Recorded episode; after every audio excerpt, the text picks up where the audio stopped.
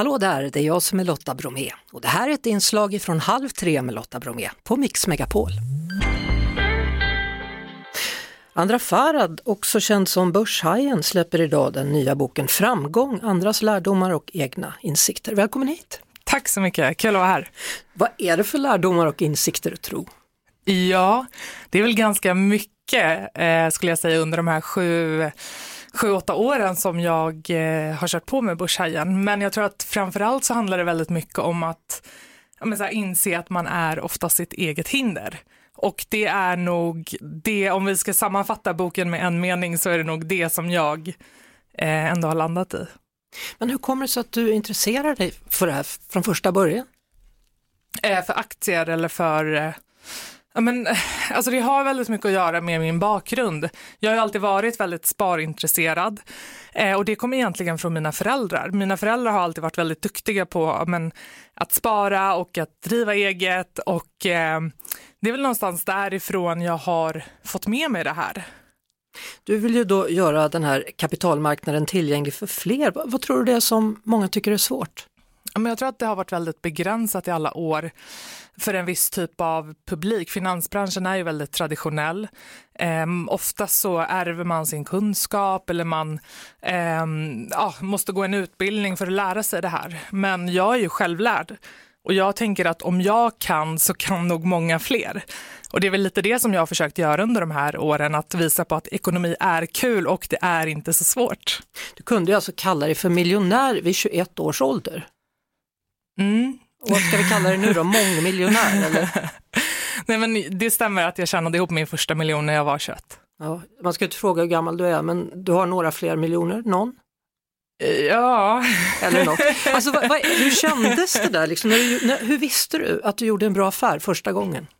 Ja, men, eh, jag visste nog inte att det var en bra affär. Min allra första investering, jag var ju 15 och eh, eh, hade gått all in i ett bolag inom stålindustrin för att jag hade läst ja, men, i media att det var en bra investering. Så att det var ju ren tur och sen så gick ju den investeringen väldigt bra. Jag gjorde en avkastning på ungefär 30 procent på fyra månader och det var ju Oj. då jag fick någon typ av blodad tand och kände att men om jag kan eh, tjäna pengar på det här så måste jag ju lära mig hur det här funkar.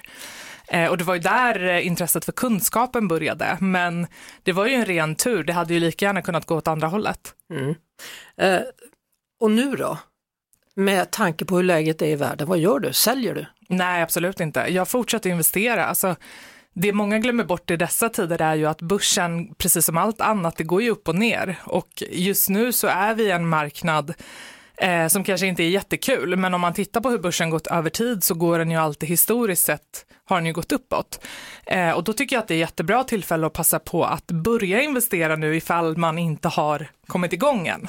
Ja, jag tänkte vi ska prata lite om, om tips eh, så småningom, lite mer konkreta råd och tips. Jag måste ändå bara konstatera att du har blivit bland annat då Årets svensk, du har varit bland Sveriges 101 supertalanger, Sveriges mest lovande unga företagare, tagit emot kompassrosen från kungen, hur känns det att ha fått alla dessa hedersbetygelser? Ja, men det känns fantastiskt och lite overkligt. Eh, men jag tror också att det eh, någonstans är ett kvitto på att det jag gör också är någonting som behövs. Så att det är ju väldigt, väldigt kul. Mm. Känner du dig ensam som tjej i den här världen eller har det kommit fler och fler tjejer?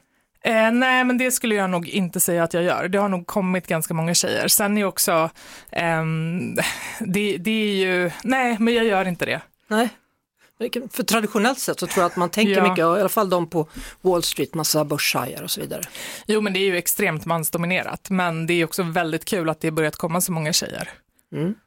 Eh, om nu någon sitter framför radion här och funderar, vad kan jag göra? Vad kan jag göra av mitt liv? Vad ska jag ha för karriär? Vad kan du ge för tips? Jag tror att många eh, börjar nog fundera på så här, vad kan jag tjäna mest pengar på? Det är oftast dit tankarna går, men jag skulle nog säga börja med det som du tycker är kul. För tycker du att det är kul så kommer du alltid bli bra på det och i slutändan så det som vi är bra på kan vi också kapitalisera på. Um, så att jag skulle nog säga börja i rätt ände. Hur ska man sätta mål? Vilken typ av mål tycker du man ska se där, där framme? Vad går man mot? Men om jag utgår ifrån mig själv så jobbar jag ju väldigt mycket med inte för långa långsiktiga mål utan kanske vi pratar tre till fem år fram i tiden. Eh, och det beror ju mycket på att så här, för långt fram i tiden är ju, eller för mig blir det väldigt svårt för att saker och ting händer längs vägen som gör att målen revideras. Så att jag sätter ju ett långsiktigt mål men sen bryter jag ner det eh, på årsbasis och sen på halvårsbasis, kvartal, månad, veckomål och ibland också på dagsbasis. Mm -hmm. Så att jag är ju extremt målinriktad som person och sen så älskar jag ju de här klassiska to-do-listorna. Att bryta ner, så här, vad behöver jag göra för att uppnå det målet och sen jobba mot det varje dag. Men sen det jag också pratar väldigt mycket om i boken, det är ju den här skeva synen vi har på framgång. Att framgång är väldigt, eller vår syn på framgång är väldigt så här, amerikanskt. Det är väldigt så här, ja, men man ska jobba hårt, man ska sova lite, man ska upp väldigt tidigt på morgonen och träna och man ska vara väldigt stressad för annars visar inte du att det går bra.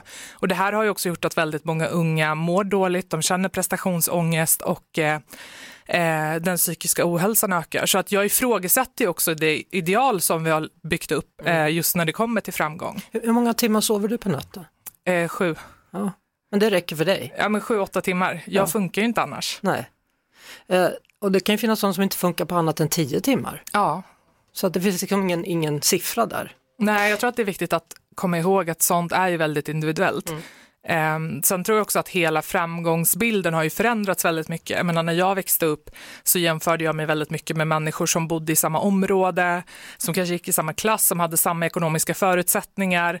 Men idag med sociala medier så har vi ju hela världen i vår telefon och helt plötsligt är världen vi jämför oss med inte bara de som har samma förutsättningar utan det är ju människor som vi aldrig kanske kommer kunna bli som. Um, är det bra eller dåligt? Ja, men det är både bra och dåligt. Det är bra för det ökar ju, ja, så här, vi, vi lär oss mycket mer och informationen och liksom så här, världen blir väldigt mycket mer lättillgänglig. Men det ökar ju också den psykiska ohälsan och prestationsångesten mm. väldigt mycket. N när du var 15 då, då hade du ingen ekonomisk utbildning när du började med det här? Nej. Skaffade du dig det sen eller har det gått ändå? Nej, men det har gått ändå. Jag har ju hoppat av juristprogrammet så att just ekonomin, där är jag helt och hållet självlärd. Och det är ju också väldigt mycket det som jag pratar om i boken, att man behöver inte göra saker och ting på det klassiska sättet, utan idag finns det ju så många fler sätt att komma fram på. Mm. Eh, vad är ditt bästa förhandlingsråd? Hur man förhandlar? Kan man förhandla i matbutiken? Går det? Ja, men man kan förhandla överallt. Jag är faktiskt väldigt bra på att förhandla. Det finns ett ganska långt kapitel i boken om förhandlingar, men mitt bästa tips skulle nog vara att det var faktiskt någonting som Harvey Specter lärde mig när jag en gång i tiden tittade på Suits. Och det är att se till att aldrig ha, eh, eller hamna i en återvändsgränd. Ha alltid flera alternativ. För det är då du också kan bygga de bästa förutsättningarna för dig själv. Mm. Det låter ju som ett toppenråd. Ja men det har ju funkat hittills. Så. ja, stort grattis till det och tack så mycket för att du ville komma hit och dela med dig av dina råd, Andra Farhat. Ja men tack snälla. Vi hörs såklart på Mix Megapol varje eftermiddag vid halv tre. Ett poddtips från Podplay. I fallen jag aldrig glömmer djupdyker Hasse Aro i arbetet bakom några av Sveriges mest uppseendeväckande brottsutredningar går vi in med hemlig telefonavlyssning och, och då upplever vi att vi får en total förändring av hans beteende. Vad är det som händer nu? Vem är det som läcker? Och så säger han att jag är kriminell, jag har varit kriminell i hela mitt liv men att mörda ett barn, där går min gräns. Nya säsongen av Fallen jag aldrig glömmer på Podplay.